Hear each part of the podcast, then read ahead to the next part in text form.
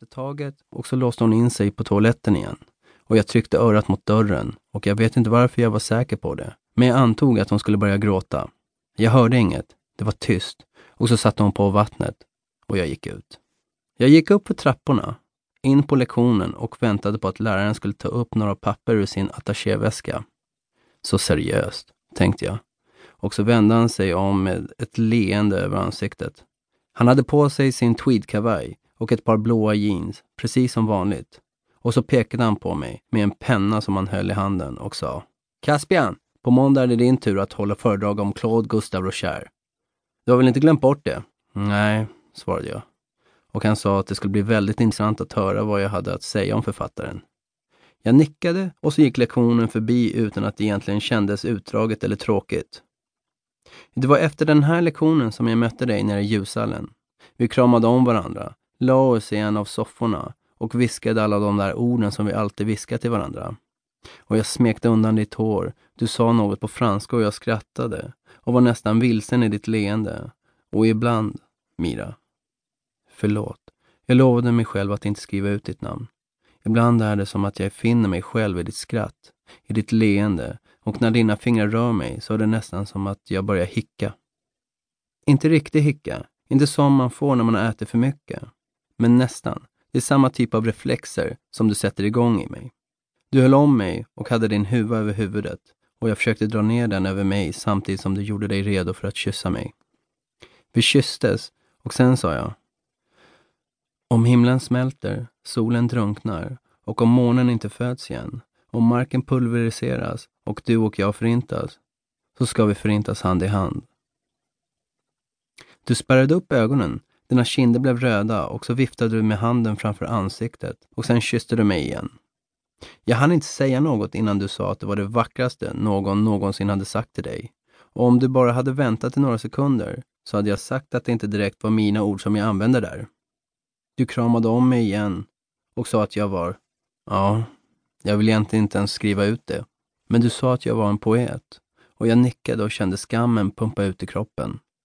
Det var liksom för sent för att säga att det var inledningen på min pappas favoritroman av Claude Gustave Rocher. Vi kommer alltid att dö igen. Jag såg på dig att du skulle säga något mer om den där meningen, så jag hindrade dig med att säga att jag älskar dig. Jag älskar dig fortfarande och när jag sa det när vi låg där i soffan så var det som att jag menade det mer än vanligt. Du drog ner den vita kapuschongen, tittade på mig och den där hickan höll på att komma och jag sa att jag var tvungen att gå hem. Det är en lektion kvar, men jag struntar i den och går hem och arbetar med svenskuppgiften.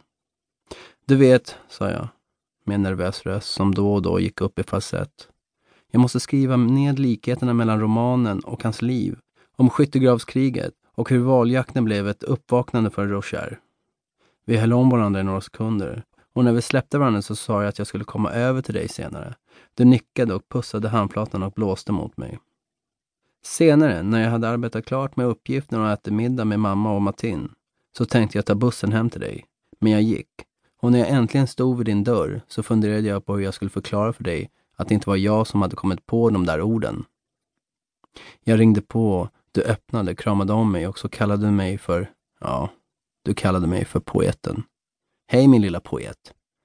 Jag vill inte krama om dig så hårt. Jag vill inte förstöra den där strukna tröjan och jag vill inte förstöra håret som du höll på att våffla. Jag vill inte förstöra dig, så jag vågade inte säga sanningen.